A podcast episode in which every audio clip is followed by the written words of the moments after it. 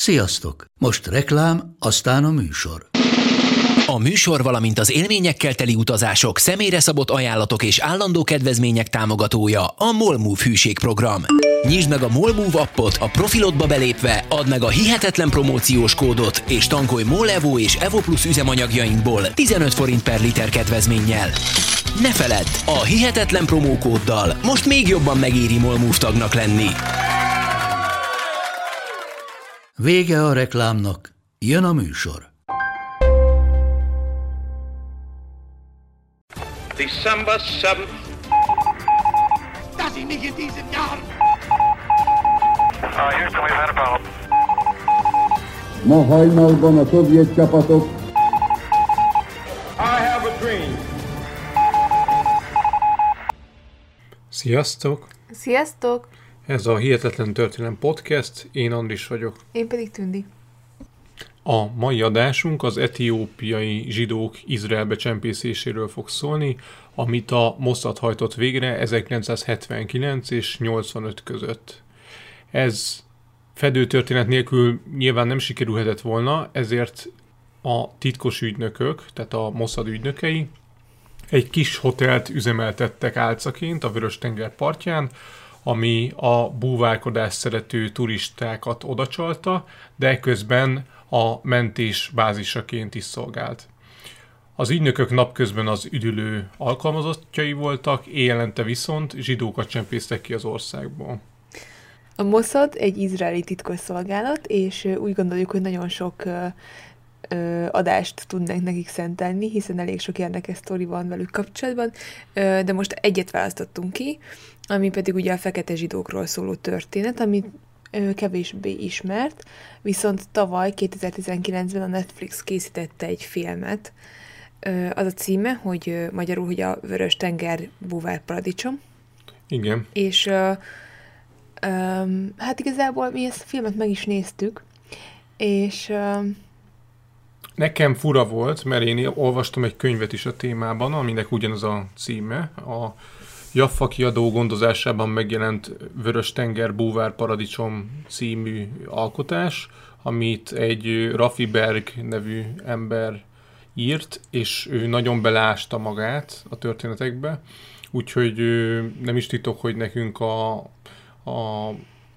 könyv volt a főforrásunk. igen, Viszont megnéztük ugye a filmet is, és hát igazából már most szólunk, hogy ez az adás kicsit elspoilerezi, szóval ha esetleg meg akarjátok nézni a filmet, akkor talán jobb, hogy először megnézitek, és aztán hallgatjátok meg az adást.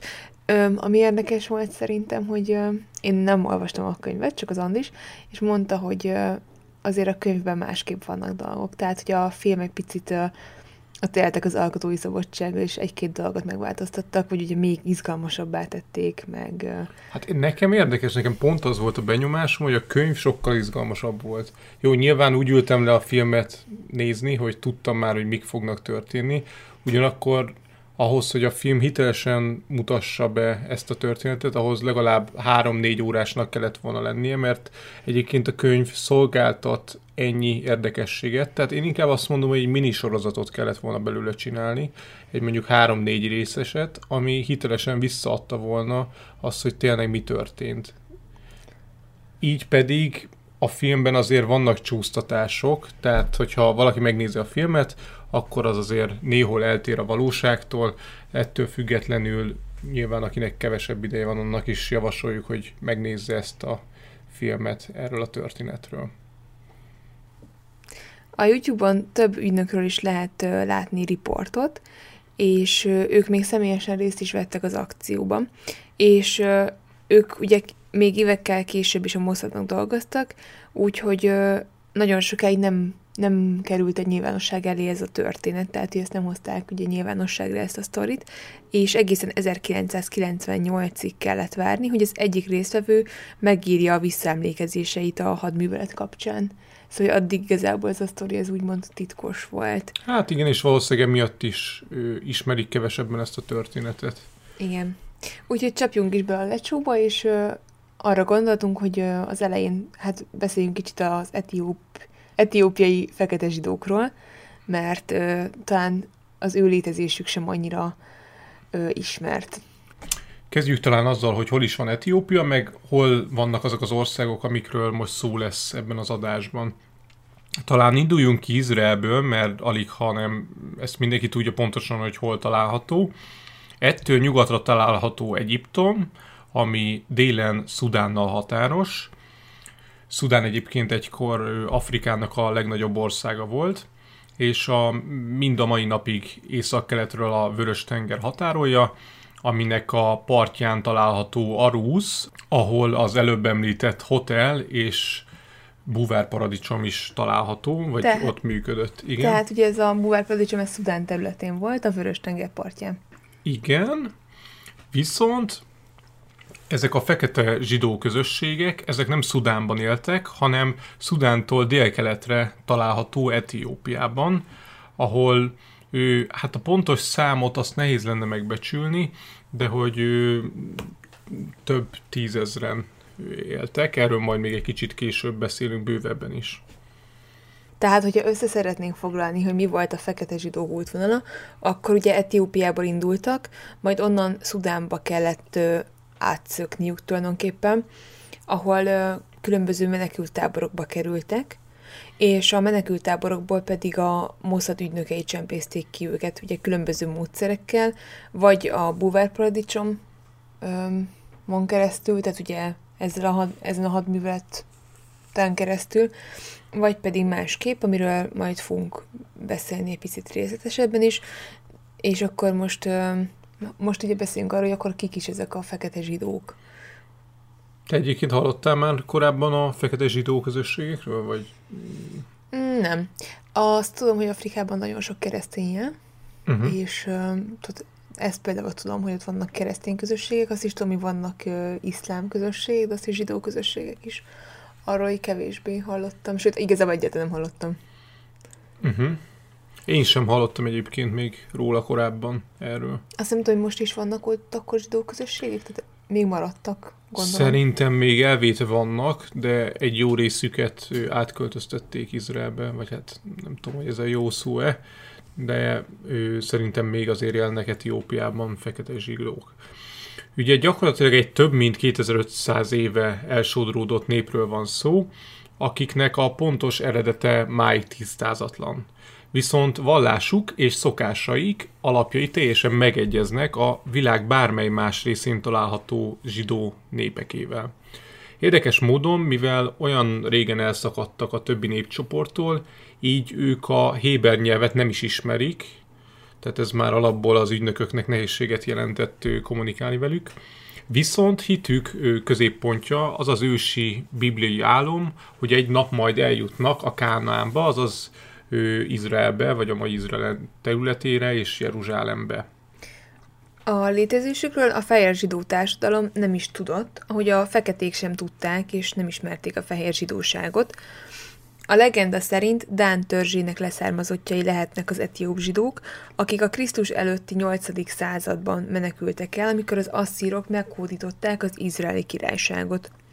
És a, az elszigeteltségeket amúgy jól jellemzi azt, hogy amikor 1867-ben egy francia zsidó történész, egy bizonyos Halévi nevű tudjuk, ember. Hogy hogyan kell Hát igen, nem tudjuk, hogy, hogy kell. A franciákkal bajban vagyunk mindig. Én Halévinek ejtem, de lehet, hogy a hátam úgy nem kell. Na mindegy, szóval ö, egy történész felkutatta ö, az Etiópiában élő fekete zsidókat, akkor a helyiek nem akarták elhinni, hogy ez az ember, ő is zsidó, mert ők meg voltak róla győződve, hogy a, hogy a zsidók igazából csak feketék lehetnek.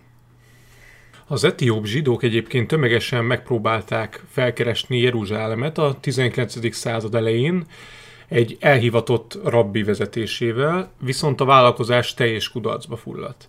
Szinte mindenki éhen vagy szomjan halt a sivatagi úton, de akik mégis elérték a Vörös-tengert, azok sem jártak sikerrel, mivel a visszaemlékezések szerint jó páran a vörös tengerbe fulladtak bele, amikor a, ez a pap megpróbálta botjával szétnyitni a tengert, mint ahogy Mózes tette annak idején. Egyébként feltehetőleg nem a tenger szét nem nyílása végzett velük, hanem a földrész belsejében vagy a sivatagi környezetben élő népek alapvetően nem tudtak úszni mondjuk vannak olyan országok, ahol hiába veszi körbe tenger, mégsem tudnak úszni az emberek. Na, mondj egy ilyet. Izland. De Izlandon tudnak úszni. András. Hát most már igen, de a 19. század végéig nem tudtak. Ja igen, mert nem... Hát Te- jó, még Izlandon nem csodálhat, ha senki nem az Atlanti óceánba. Ott azon a részen ment, hogy legelég ideg. De ez most egy másik. Tehát egyébként most eszembe jutott, hogy majd egy izraeli, vagy izraeli, egy izlandi podcastot is készíthetnénk, mert valami izlandi témával kapcsolatban. Uh-huh. Na de térjünk vissza akkor az eredeti témánkhoz. Szóval, ez a francia történész ö, készített feljegyzéseket a, az etiópiai fekete zsidókról, és ö, azt írta róluk, hogy ö, abban a hitben éltek, hogy a Szentföldet még ma is a, tehát ugye a napjaikban is a rómaiak uralják. Tehát ugye, ugye a, a Bibliában is lehet erről olvasni, hogy ö, hát ugye a római birodalom meghódította azt a területet, és ők pedig azt hitték, hogy még ott van a római birodalom. És ezen kívül betartották a kóser étkezés szabályait, gyakorolták a körülmetélkedést, és megtartották a, a szombatot, vagyis a sabbatot, és ezen kívül rendelkeztek Mózes öt könyvével, vagyis a hitük alapja ugyanaz volt, mint a világon élő összes többi zsidónak. Igen, egyébként számomra teljesen ilyen hihetetlenül hangzik, hogy tőlük ezer, mit tudom én, 200 kilométerre ér egy másik nép, aki tök ugyanazt vallja, és egészen a 19. század közepéig egymásról semmit nem tudnak. Ez kicsit olyan, mint hogyha most, nem tudom, visszamennénk az Urálhegységbe, vagy val- valaki elkezdeni kutatni az ősmagyarokat, és találna egy, egy csapat ősmagyart, vagy nem tudom, valami olyan, olyan, olyan Igen. népcsoportot, ahol akiknek mondjuk nem Akik tudom, fekete magyarok, fekete magyar, igen, hogy talán egy csapat fekete magyar, vagy hát igen, nagyobb eséllyel ázsiai magyart, és mondjuk öm, tök, tök durva érzés lenne, ha mondjuk kiderülne, hogy mondjuk az eredetükben ugyanúgy ott vannak az Attila, hunok, meg mindenféle Emese álma, meg hasonlók. Szóval na, mondjuk- ne legyünk pessimisták, lehet, hogy lesz egy ilyen felfedezés. Én, én drukkolok. Amikor 1948-ban megalakult az izraeli állam, akkor hiába ismerték el a diaszpórában élő fekete testvéreiket zsidóknak, az Izraelben élők, nem szerették volna, ha tömegesen betelepítik őket országukba, Etiópiából, ellentétben a világ többi helyéről érkező zsidókkal, akiket gyakorlatilag tártkarokkal váltak. Ennek több oka is volt, de most az adás hossza nem engedi meg, hogy nagyon belemenjünk a részletekbe. A lényeg az, hogy egészen 1977-ig kellett várni, hogy egy igazi változás jöjjön, amikor is az új miniszter nyíltan kimondta, hogy a Bete Izrael tagjai, azaz a fekete zsidók, őket is segíteni kell abban, és közre kell működni, hogy le tudjanak telepedni Izraelben. És akkor most térjünk át arra, hogy öm, hogyan tervezték meg ezt az akciót. Ugye a Mossad, ö, ahogy mit említettük, ugye az izraeli titkosszolgálat, ö, az ő feladatuk, tehát az ő feladatuk volt az, hogy, ö, hogy ö, kimenekítsék a fekete zsidókat és eljutassák őket Izraelbe, és a, alapból ez, az, ez a szervezet főleg kémkedésre, merényletekre és szabotázs akciókra specializálódott, most pedig a fő feladatuk tulajdonképpen az embermentés lett. És ugye ezt hát igencsak ö, akadályozta, hogy Etiópia és Izrael nem ápoltak jó kapcsolatot a 70-es évek végén. Ez annak ellenére volt így, hogy Etiópia egy keresztény ország volt, viszont a szomszédos arab országok hata- hatással voltak rá, és amikor ö, 1973-ban Egyiptom és Szíria megtámadták Izraelt, akkor az arab országokkal szolidaritást vállalt ö, Etiópia is, és ö, megszakította a kapcsolatait Izraellel. Viszont pár évvel később a két ország egy titkos megállapodást kötött egymással, aminek keretein belül Izrael fegyvereket és pilótautatókat szállított Etiópiába, ö, míg Etiópia cserébe engedélyezte, hogy bizonyos számú etióp zsidót elszállítsanak az országból, és egy, erre volt egy lista. Tehát Igen, tehát ö, olyan zsidó embereket szállítottak el, akiknek rokonai már éltek ö, Izraelben, ezért ö, ez alapján készült ez a lista, hogy kik azok a további. Hát nyilván itt túl sok embert nem kell elképzelni, tehát ezzel még tehát az elenyésző számú embert sikerült így Izraelbe menekíteni az eredeti fekete zsidók számához képest.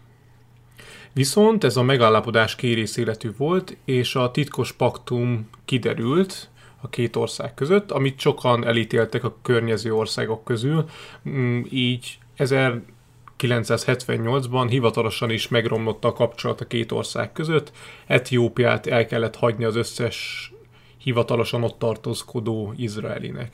Egyébként gondolom azt nem kell senkinek bemutatni, hogy Izrael milyen politikai viszonyban volt, főleg itt a 20. század második felében, már az első felében sok értelme nincs is, de a második felében a környező arab országokkal, tehát erről mindenkinek gondolom van valami elképzelése. Tehát magyarán rossz kapcsolatban Igen. volt ez a, ez a lényeg. Egyébként tök érdekes, hogy hát én voltam Izraelben is, és hogy sokan így még ma is kicsit így, hát nem ellenséget látnak a szomszédjaikban, de hogy így ilyen, nem tudom, tehát nincs, nincs túlságosan jó viszony, vagy így jó, ilyen pozitív kép az emberek fejében. Legalábbis én ezt tapasztaltam, de nyilvánvalóan vannak kivételek, csak hát, um, hát ők sem egy olyan ország, akik nagyon Hát hát mondjuk- baráti kapcsolatokat ápolnának a, a szomszédaikkal. Hát jó, hát nagyon mások, mint a szomszédai, úgyhogy így elég nehéz igen is. nagyon kilógnak a sorból. Bezzeg a magyarok itt a Kárpát-medencében, nem? Minket mindenki szeret. Na, de mindegy, hagyjuk is. Szóval um, elnézést kérünk a kis kitekintésért. Ö, ott tartottunk. Igen, tehát hogy a, amiatt, hogy megromlott a két ország kapcsolata, az Etiópiában élő zsidó közösségek élete igencsak nehézé vált, ugyanis voltak olyan fegyveres csoportok, akik, akik tulajdonképpen így, így ki akarták őket írtani, és zsidók ezrét gyilkolták meg, és nagyon agresszív antiszemita akciók zajlottak Etiópiában, és ennek, ezeknek következtében az izraeli felső körökben felerősödött annak az igénye, hogy az országból menekítsék ki az ott élő fekete zsidókat.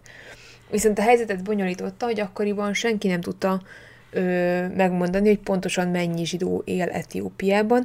Ö, egy akkori becslés alapján kb. 28 ezer emberről volt szó.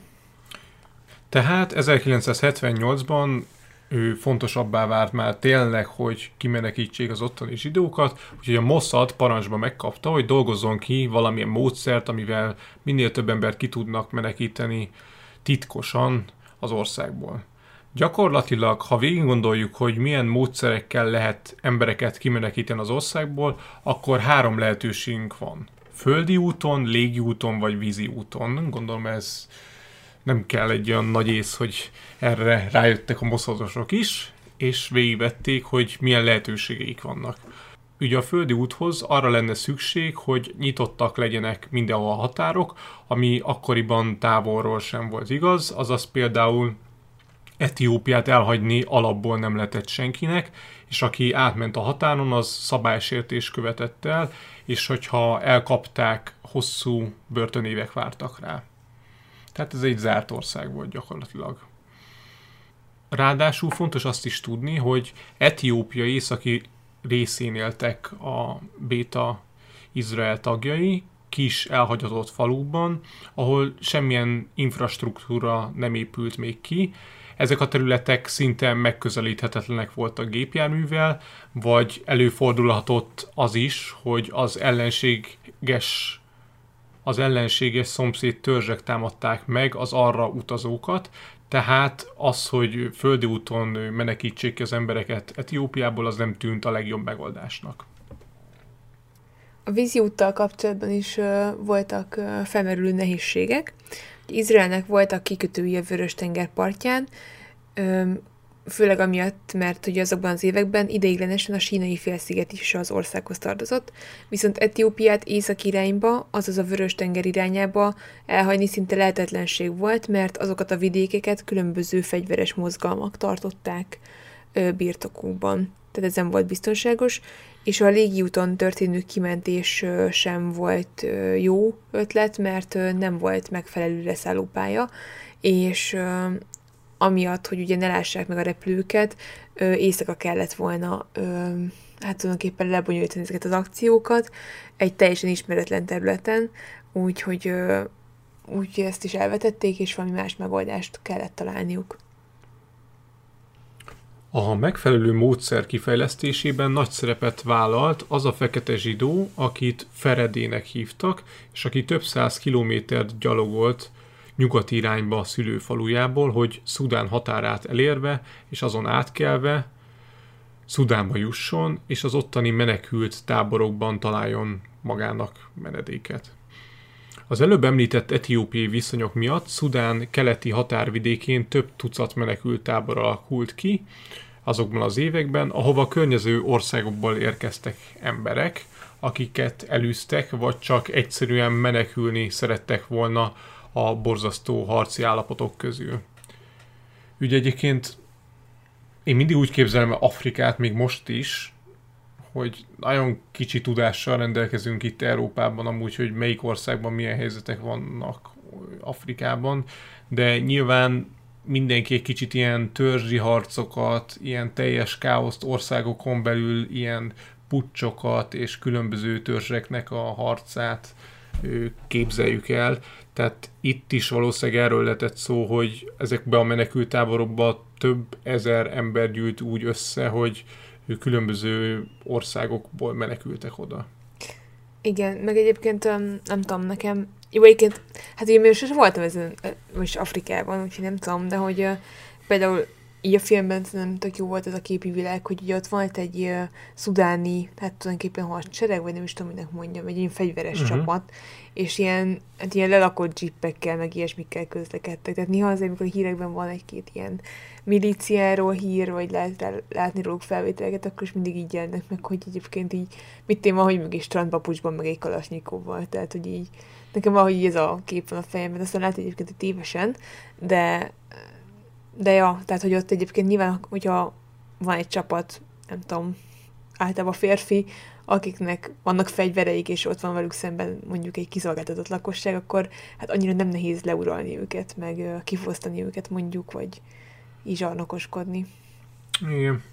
Szóval Ferede volt egyike azoknak az első zsidóknak, akik eljutottak a táborokig, és az 1970-es évek végén körülbelül 400 ezer főre tették a különböző táboroknak a lakóinak a számát, tehát összesen nagyjából ennyi ember lehetett ott a szudáni határ környékén, szóval nem egy kis mennyiségű emberről ő, beszélünk. Amikor Ferede megérkezett a táborba, akkor próbálta felvenni a kapcsolatot két olyan szervel is, ami összetudta volna kötni őt Izraellel, és ez a kapcsolatfelvételi próbálkozás eljutott a Mossadhoz is, akik egy szakmailag tapasztalt, bátor és bevállalós ügynököt küldtek Etiópiába, hogy vegye fel a kapcsolatot Feredével. Az ügynököt Danielnek hívták, vagy Daninek. Dani? Dani? Dani. Dani, legyen Dani. Szóval Daninak hívták az ügynököt, így hivatkozik rá a legtöbb forrás, és ő a történet másik főhőse Ferede mellett. Ferede az üzenetben nem adott meg sok mindent, csak annyit, hogy Etiópiából menekült, és hogy repjegyet szeretne váltani Európába vagy az USA-ba. Elérhetőségnek pedig pusztán egy postafiókot adott meg, valószínűleg elővigyázatosságból, meg azért is, mert állandóan helyet kellett változtatnia, hogy ne kapják előtt a hatóságok. A Mossad ügynök Dani csak úgy nem tudott beutazni az országba, hiszen az arab többségű Szudán és Izrael között nem volt hivatalos diplomáciai kapcsolat. Izraeli útlevéllel tehát senki nem érkezhetett az ország területére, így egy fedősztorit kellett kitalálnia.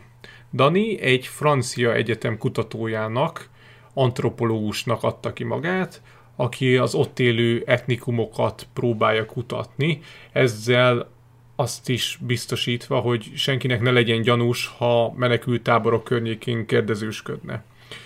A történet mellé még a Mossad ellátta egy hivatalosnak tűnő okmányjal is, amit az állítólagos tanszékvezető írt alá az egyetemről. Ez az ügynök, Dani, több nyelven beszélt folyékonyan, köztük angolul, franciául és arabul is, és ugye hát Szudánban tartózkodás alatt ezt az arab nyelvtudását elhallgatta, tehát ugye nem buktatta le saját magát, hogy ő érti, mit beszélnek körülötte. Ö, nem volt elérhetősége Feredéhez, így egy bő egyhetes kérdezősködés és kutatás után sikerült a nyomára akadnia, mivel Ferede volt az első ismert fekete zsidó, akinek sikerült átjutni a Szudánba, ezért Dani célja az volt, hogy megtudja, hogy hogyan sikerült átjutni a határon, milyen útvonalon jött, kiknek a segítségével. A Mossad célkitűzése ezután az volt, hogy minél több Etiópiában élő fekete zsidót ösztönözzenek arra, hogy szökjenek át Szudánba, ahonnan utakon, de már uh, tudnak nekik segíteni abban, hogy uh, eljussanak Izraelbe. Igen, tehát amiről előbb beszéltünk arról, hogy földön, vizen, levegőben milyen lehetőségek vannak elhagyni Etiópiát, abból látszik, hogy túl sok lehetőség oda nem volt bejutni az izraeli titkos szolgálatnak, úgyhogy ezért döntöttek úgy, hogy inkább azt próbálják preferálni, hogyha a fekete zsidók maguktól el tudnak sétálni már, vagy át tudnak jutni Szudánba, és onnan már sokkal könnyebben tudnak nekik segíteni. Ferede minden részletről beszámolt Daninak, ami az utat illeti. Ő egy embercsempész segítségével jutott el Szudánba. A több száz kilométeres út hosszú és veszélyes, hegyek között őserdőben vezet, és néhol folyókon kell átvágni. Eközben ott vannak a veszélyes vadon élő állatok, akik mindig veszélyt jelentenek a gyalog közlekedőkre, és ha ez még nem lenne elég, akkor ott vannak a bandákat a bandákba verődött fegyveres csapatok, akik kirabolják, összeverik vagy megölik a, az utazókat. Tehát láthatjuk, hogy a zsidó kimenekítésének legelső része sem könnyű már, Pontos statisztikák nem állnak rendelkezésre, de az útnak ezen a szakaszán hunytak el a legtöbben, körülbelül egy-két ezer menekült. Ferede segítségével megkeresték a csempészt, aki segített neki a menekülésben, majd pénzt adtak neki, és megbízták azzal, hogy Ferede frissen készült fényképével menjen vissza Etiópiába, Ferede szülőfalujába, és mesélje el, hogy az út nem is olyan nehéz, és újságolják el a családtagjai a környező falvakban is, hogy a Jeruzsálembe vezető út Szudánon keresztül vezet. Keljenek útra, és kövessék Ferede példáját. Ez a hír pedig szépen lassan el is terjedt a fekete zsidók által lakott falvakban, és egyre többen indultak el erre a veszélyes útra, hogy a végén eljussanak majd az ígéret földjére. Eközben Dani és Ferede sem volt étlen. Azzal számoltak, hogy más zsidók is eljuthattak a táborokba, akiknek a felkutatása egy kimondottan nehéz vállalkozás volt. Az etióp zsidókat pusztán külsőre nem lehetett megkülönböztetni a nem zsidó menekültektől, ugye itt ezekben a táborokban nyilván mindenki fekete volt, ugyanakkor ezek a zsidó emberek féltek a kiközösítéstől és a bántalmazástól, tehát valószínűleg ezért nem szívesen fették fel zsidó mi voltukat, mivel az országokon belül is több helyen üldözték őket. Dani és Ferede eleinte együtt kezdték el felkutatni a táborokat a zsidók után, de hamar rájöttek, hogy Dani fehér emberként gyanút kelthet, úgyhogy onnantól fogva módosítottak a taktikán. Készpénzért vettek egy autót, és azzal furikáztak a táborok között. Ugye, ahogy említettük, több tábor is volt, vagy több tucat tábor is volt azon a vidéken, és miután átfésültek egy tábort, estére behúzódtak a táboron kívüli bozótosba, ahol felváltva őrködtek, míg a másik aludt. Nem csak az emberekkel kellett vigyázni, hanem a vadon élő állatokkal is, hiszen a, itt aludtak kint a pusztán, és a hetekig tartó kutakodás alatt sokszor nem volt mit enniük, vizet pedig klortablettákkal tudtak csak fertőtleníteni. A hosszú hetek alatt ö, igazán jó barátokká váltak, és később ö, ennek hatására az egész mentőakciót testvérek hadműveletnek nevezték el. Már egy hónapja keresték eredménytelenül a fekete zsidókat, amikor is Dani az egyik tankolás során ö, gyanussá vált a helyi katonáknak, mert egy ilyen Gameboy-szerű játékkal játszott, amit ők valamilyen adóvevő készüléknek néztek, és mivel gyanús volt, emiatt elvitték a közelben található laktanyához, ahol ki is hallgatták, de hát Dani ugye a fedősztoriát előadta, ugyanis, hogy ő egy antropológus, és itt dolgozik az országban, és hát gyorsan össze is barátkozott a laktanyában tartózkodó magasabb rangú tisztekkel, többek között a helyi, katoni, helyi katonai kormányzóval is.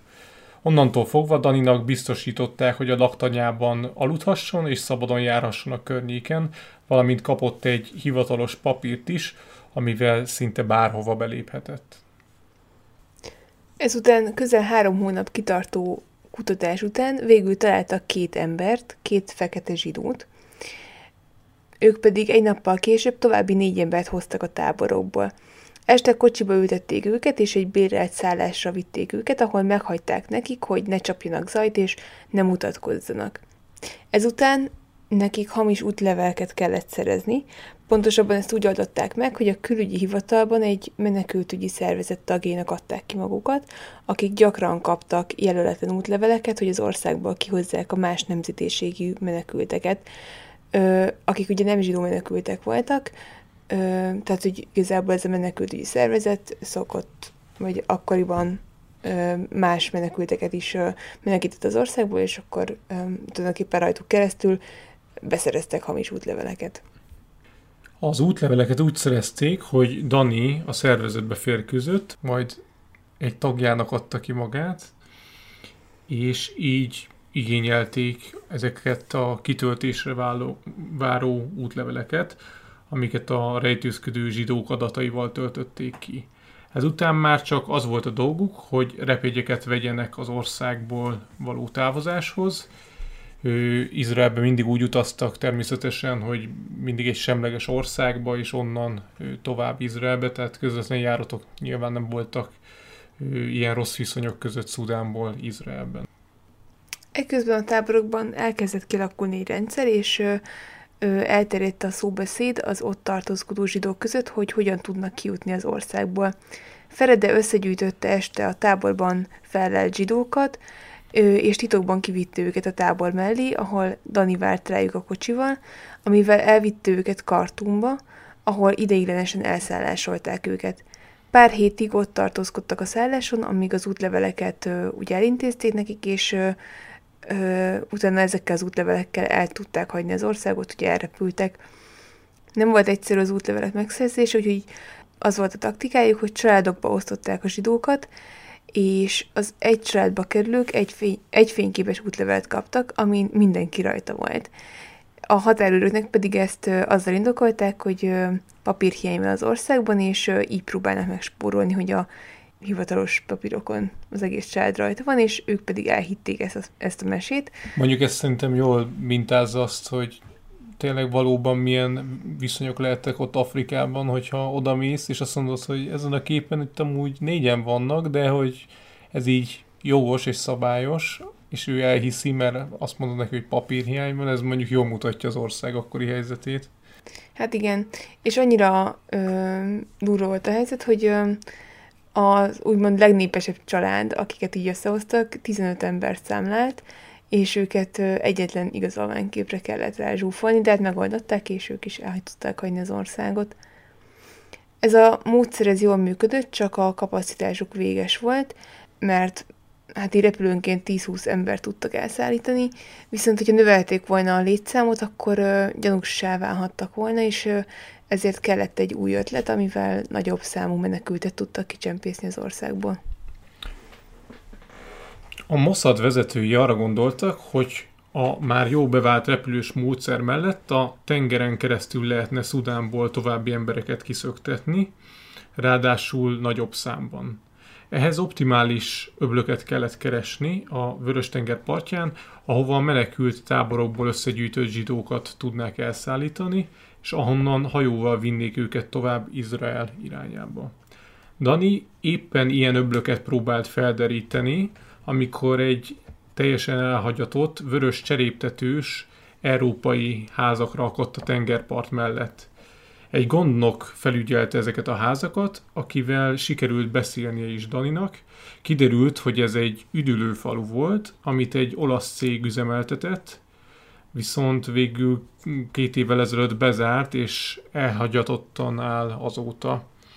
Azt tudni kell még erről a területről, hogy ez egy nem egy városnak az egyik üdülője volt, hanem ez egy ilyen mindentől távol eső terület, amit egy olasz befektető annak idején jó befektetésnek gondolt, de aztán később mégsem fizetődött ki annyira, hogy ő szerette volna.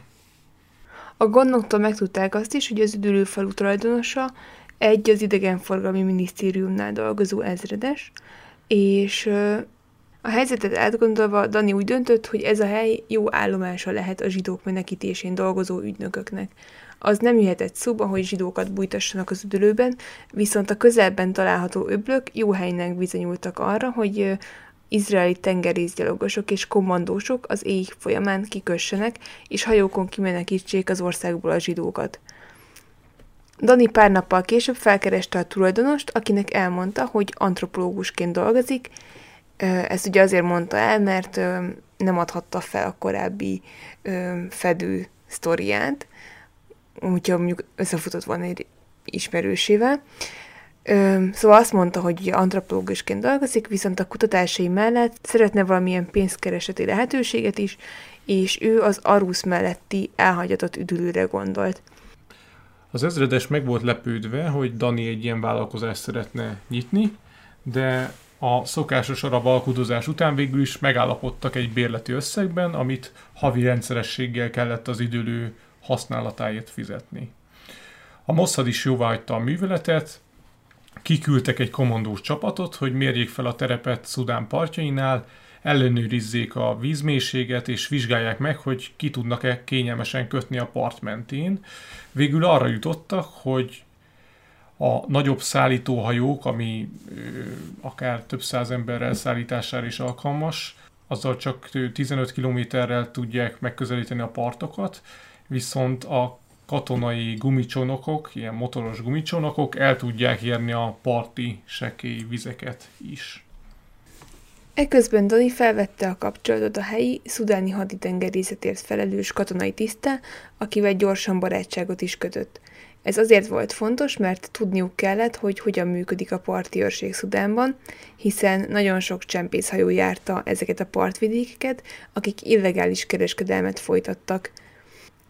Eközben egy svájci székhelyű, kitalált cég álcája mögött lebonyolították az üdülő bérbeadási szerződését is. Az üdülőhöz szükség volt képzett és tapasztalt karbantartókra, szakácsokra és recepciósokra. A feladatok jó részét Mossad ügynökökre bízták, akiknek a szállodaiparban is volt némi tapasztalatuk, emellett be tudtak segíteni egy-egy éjszakai mentőakcióban is. A beszervezett ügynökök új személyazonosságot kaptak, és személyre szabott fedősztorit, sőt az akció előtt elküldték őket a fedősztoriukhoz tartozó származási országba is, hogy megismerjék az állítólagos szülővárosukat, és hogyha esetleg bármelyik üdülő vendég kérdezősködne, akkor hitelesen tudjanak válaszolni, és hitelesen tudják játszani a szerepüket. Fontos volt az is, hogy a felvett dolgozók jól tudjanak búvárkodni, hiszen ez volt az üdülőhelynek a fő profilja, tehát ez egy ilyen búvár paradicsom volt. Ezzel párhuzamosan az üdülő felújítását is megkezdték, tehát minden adott volt, hogy egy jól működő álca mögött embereket menekítsenek ki Szudánból. Ezeken felül az üdülő kapott egy színes szórólapot is, amit a hát mindenki által valószínűleg ismert Neumann utazási iroda készített, és Európa szerte eljuttatták más utazási irodákba is. Ez a brosúra a fejlécében hirdette, hogy Arusz egy csodálatos mesebeli világ, és ilyen gyönyörű képek voltak. Hát igazából mai szemmel olyan, mint egy ilyen régi, ilyen ibusz katalógus. Szóval, ahogy említettük, elkezdték a felújítást, ugye meg volt a személyzet, és meg is hirdették a szállodát, és hát érkeztek is, érkeztek is turisták, úgyhogy elkezdődött az akció is. Az emberek kicsempészését mindig holtalan éjszakákon kellett végrehajtaniuk, és a rossz időjárás minden számítást áthúzhatott. Az volt a terv, hogy Dani és az üdülőfaluban dolgozó ügynökök teherautóval elmennek a menekültáborokhoz, ez az út 900 km volt az üdülőfalutól, szóval körülbelül olyan, mint hogyha a Budapestről Milánóba kellene elmenni kocsival. A menekült táboroknál a már ismertetett módon a megbeszélt estén az erre kijelölt emberek összegyűjtötték titokban a zsidókat, és kihozták őket a tábor melletti találkahelyre.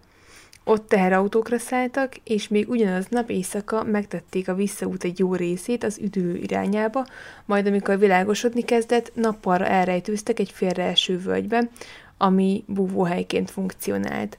Ott napszáltáig várakoztak, majd megtették a maradék utat az üdülő melletti öbölig, ahol a hajók kommandósokkal partra szálltak, és a menekülteket a csónakba ültetve visszamentek a főhajóig, ami az út zárásaként Izraelbe szállította őket. Az út sok stádiumból állt, így a hiba lehetőségek száma is sok volt. Például az üdülőbe tartó éjszakai út során több mint tíz katonai ellenőrző ponton kellett áthaladniuk, ahol az este folyamán szerencséjükre nem állítják meg általában az autókat, csak hogyha ránézése van valami nagyon gyanús. Emellett, ha valaki késik, például mondjuk a kommandósok, vagy a menekülteket a találkozó helyre később tudják odavinni, akkor azzal ugye veszélybe sodorták volna az egész hadműveletet. Igen, ennek az egésznek az volt az egyik legfontosabb része, hogy éjszaka történik minden, mert nyilván akkor ő keves, kisebb a lebukásnak az esélye. De hát ugye a nagy hajó Izraelből az például három napig tartott, ameddig odaért Eládból, vagy hát a korábbi években nem onnan indult, mindegy, de hogy az egy hosszú út volt. Tehát, hogy ott pontosan kiszámolják, hogy akkor ér oda, kiérnek a kommandósok, nem tudom, nincsen semmi gubanc, tehát mind-mind nagyon sok ö, veszélyt hordozott ez magába, ez a rendszer, de mégis ö, egész ügyesek voltak ezek a Mossad ügynökök. A hajós mentéssel párhuzamosan egyébként a kartumi reptéren való útleveles kimelekítés is működött, de a tengeri akciókkal együtt már egészen sok ember tudtak havi szinten kimelekíteni az országból. Rögtön az első akció során 264 embert mentettek ki Szudánból. Az interneten is elérhető az a videó, amin az ígéret földje felé tartó fekete zsidóknak táncbemutatót tartanak a kommandósok a szállító hajó rakterében. Amikor pedig Izraelbe értek, akkor a Mossad legmagasabb tisztjei várták őket, majd a menekülteket az ország különböző részein található felvevő központokba szállították.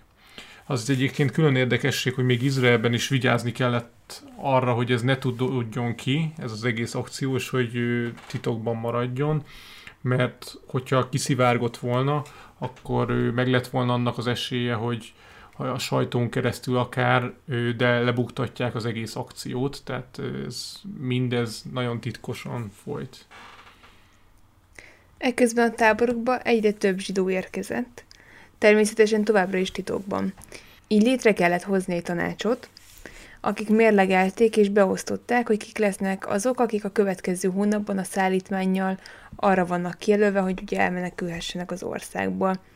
A tanácsnokok mellett fontos szerepük volt még azoknak a fiataloknak is, akiknek az volt a feladatuk, hogy a menekülés éjszakáján körbejárják a menekült tábort és felébreszték a kiválasztottakat, majd észrevétlenül kivigyék őket a találkozó helyre. Eleinte volt, hogy további Mossad ügynökökkel kellett feltölteniük az üdülőt, de azután ugye beindult az üzlet, és a turisták mellett például a szudáni hadsereg pár buvár jelöltje is idejött buvárkodást tanulni a Mossad ügynökökhöz. Ugye ez egy elég pikáns helyzet. De beszéljünk egy kicsit arról, hogy milyen veszélyes akciók voltak, és hol volt meg annak a lehetőség, hogy mégis lebukik az egész akció. Az egyik ilyen az volt, amikor rálőttek az egyik menekülteket szállító autóra éjszaka, ő, amikor meg akarták állítani az egyik katonai ellenőrző pontnál, akkor ő nem állt meg, és így rálőttek a katonák. Viszont pár nappal később, amikor arra jártak, akkor felismerték a terautót, vagyis a katona, aki rálőtt a terautóra, annak gyanús volt, hogy ez lehetett ugyanaz, de nagy szerencséjükre az ügynököknek nem találtak lövésnyomot az autón, viszont a katona meg volt arról győződve, hogy pár nappal előtte eltalálta azt, úgyhogy így bizonyosodott, hogy ártatlanok, és elengedték őket szerencséjükre. Egy másik esetben négy nap alatt két akciót akartak végrehajtani, ami azt jelentette, hogy a Mossad ügynököknek 900 kilométert kellett menniük a menekültáborokig, majd onnan vissza az üdülőfaluhoz, ahol segítkezniük kellett a fekete zsidókat a csónakokhoz kísérni, és az akciót segíteni. Másnap pedig úgy döntöttek, hogy kihasználva az újholdat és a teljes éjszakai sötétséget megismétlik az akciót, ami egy újabb 1800 kilométeres utat jelentett oda-vissza. Ekkor történt, hogy a táborokból a tengerpartra vezető úton az első teherautót vezető ügynök már nem bírt tovább ébren maradni, és belerohant egy katonai úttorlaszba. Pekjükre a konvoj másik két tagja a fékezés hatására egymásba csúszott. Pár pillanattal később zseblámpás katonák jelentek meg az úttorlasz mellett, és kérdőre vonták az egymásba ütközött sofőröket. Az egyik katona kinyúlt a platót takaró ponyva irányába, de végül meggondolta magát és visszahúzta a kezét, majd azt mondta nekik, hogy máskor legyenek figyelmesebbek, és az útjukra engedte őket. Ekközben a csomagtérben csendben lapultak meg a menekültek, így megúzták az esetet, de nagyon közel voltak a lebukáshoz. Mindközül a legveszélyesebb helyzet pedig az volt, amikor a tengerparti akció végrehajtása alatt éppen a menekülteket segítették a motorcsónakokba, amikor megjelent négy szudáni katona. Az egyik éjjellátóval ellátott őrszem kiszúrta, hogy közelítenek a hajók felé. Dani eléjük ment és próbált velük beszélni, de azok észrevették a csónakokat is, és tüzet nyitottak a menekülőkre. Szerencsére viszont nem találtak el senkit, és így sikeresen el tudták hagyni a partszakaszt. Viszont Danit és egy másik ügynököt elfogták, és kikérdezték. Dani angolul beszélt a katonákkal, és a felettesüket kérte, valamint elmondta, hogy a katonai kormányzó tud róla, hogy ők itt ö, üzemeltetik ezt az üdülőt, és hogy képzelik azt, hogy bántják az itteni turistákat, hiszen ö, éppen éjszakai homár halászatra indultak. Amit éjszaka kell, tehát a homár, homárokra, mi homárokat éjszaka szokták kifogni valamiért. Igen, tehát ő volt valami alibiük, tehát ő Dani azt próbálta eladni, hogy éjszakai homár lesre indultak, és hát ő ezt a katonák tévesen ő csempész akcióként ő próbálták leleplezni. Tehát ugye, mint már említettük, a partszakaszon, vagy hát Szudán partjainál nagyon sok ő, csempész hajó közlekedett, úgyhogy emiatt történhetett ez a rajta csapás is. A katonák vezetője halva Dani magyarázatát megszeppent, és nem mert erőszakoskodni, de a közeli faluba szállította azért őket, és őrizet alatt tartotta Daniékat, amíg utána nem kérdezett az állítások valóság alapjának. Szerencsére sikerült így tisztázni magukat, sőt Dani másnap volt annyi vér a pucájában, hogy elment a katonai vezetőhöz, és a saját otthonának az ajtaján kopogtatott, és követelte, hogy hivatalosan kérjen tőle bocsánatot az a katona, aki rá is a turistákra mert lőni. A bocsánatkérést végül Dani megkapta, annak ellenére, hogy a katona, aki rájuk lőtt, az nem volt más, mint a közeli nagyváros Port Szudánnak az ottani titkos rendőrségnek a parancsnoka. Így szerencsésen záródott ez az ügy, de nem sokon múlt, hogy a csempészekre vadászó katonák szempülességével csúnya véget ér a menekítési akció. Ezt követően túlságosan kockázatosnak találták a tengeri mentést, úgyhogy a légi mentésre álltak át. A felállás ugyanaz volt, hogy az üdülőből elmentek a táborokba, ott felvették a zsidókat, majd az üdülőhely közelében egy ideiglenes leszállópályán az éj leple alatt egy teherszállító repülőgépre terelték az embereket. Ezek az akciók sem voltak sokkal biztonságosabbak, minden esetben új repteret kellett keresniük, amihez a talaj szilárdságát meg kellett vizsgálniuk, az izraeli pilótáknak pedig nehéz dolguk volt, mert egy teljesen ismeretlen helyen kellett landolniuk, egy autókkal vagy pár fényjelzővel kivilágított kifutópályán. Itt például előfordult az is, hogy tudjátok, vannak ezek az ilyen megtörhető, ilyen zöld színű fények, amikkel néha világítanak az ilyen akciófilmekben.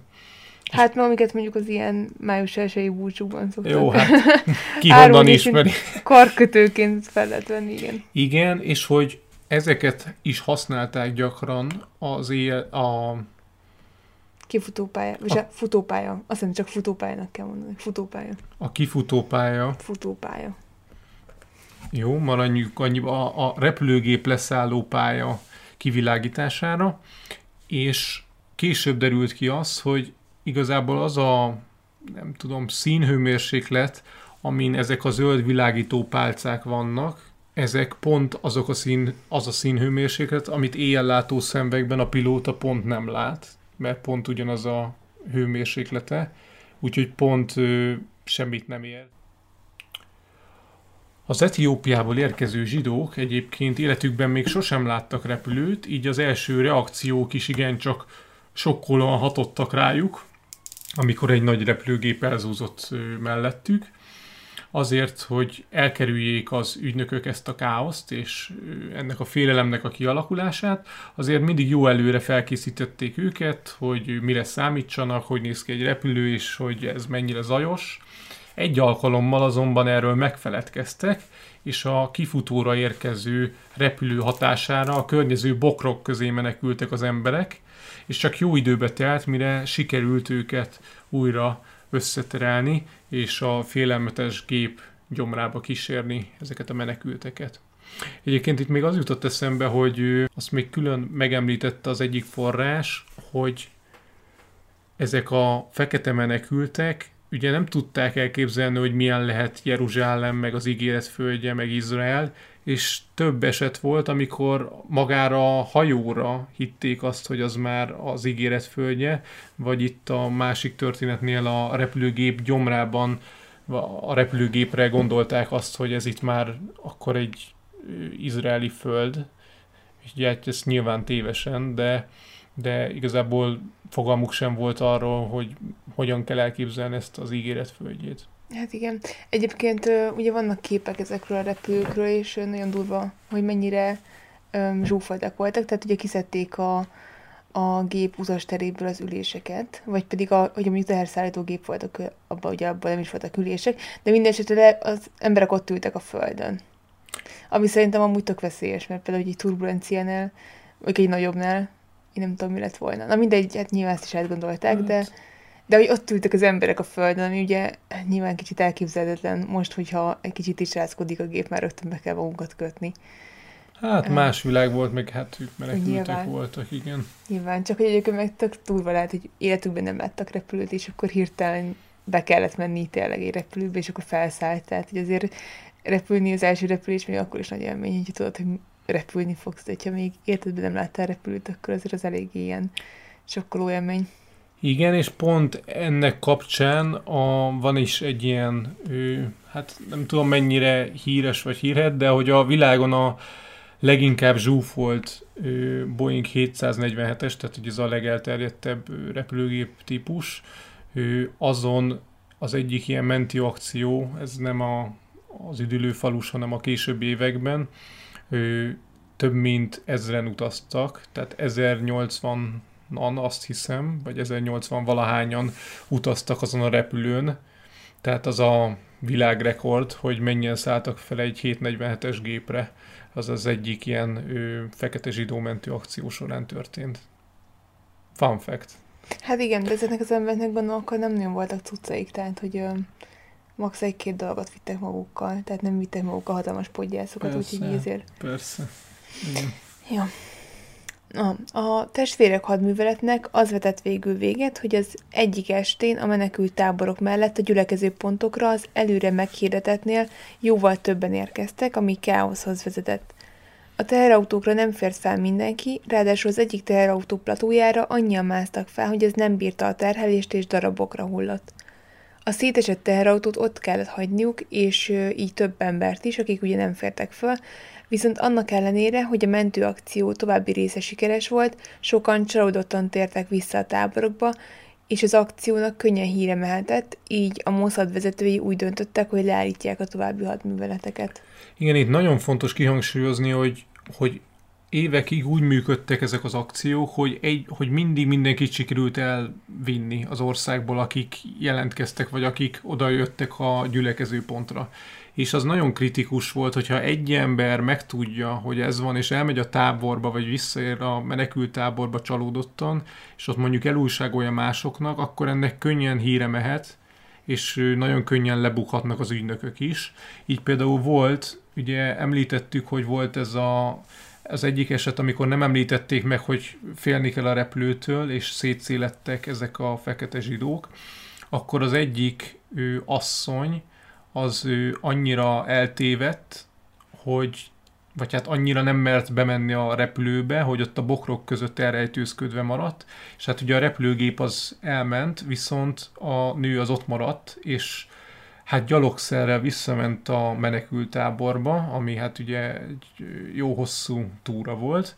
Mindenesetre visszajutott, és hát ez ő később kiderült nem sokkal, hogy az egyik nő így túlélte, vagy hát nem, hogy az egyik nő így nem került fel a gépre, viszont tudja, hogy hogy működik ez az egész rendszer, és érte egy külön ő, akciót szerveztek, hogy azt a nőt kiutassák az országból, tehát ő, ő a szokásos útleveles úton, Kártumon keresztül hagyta el az országot, de hát nem engedhették meg maguknak, hogy, hogy a táborokban olyan emberek legyenek, akik látják, hogy hogyan működik a rendszer, hogy autókra szállnak, elmennek a reptérre, vagy a, elmennek a titkos üdülőfalu mellé, tehát, tehát ezért kellett ezt a nőt is kimenteni.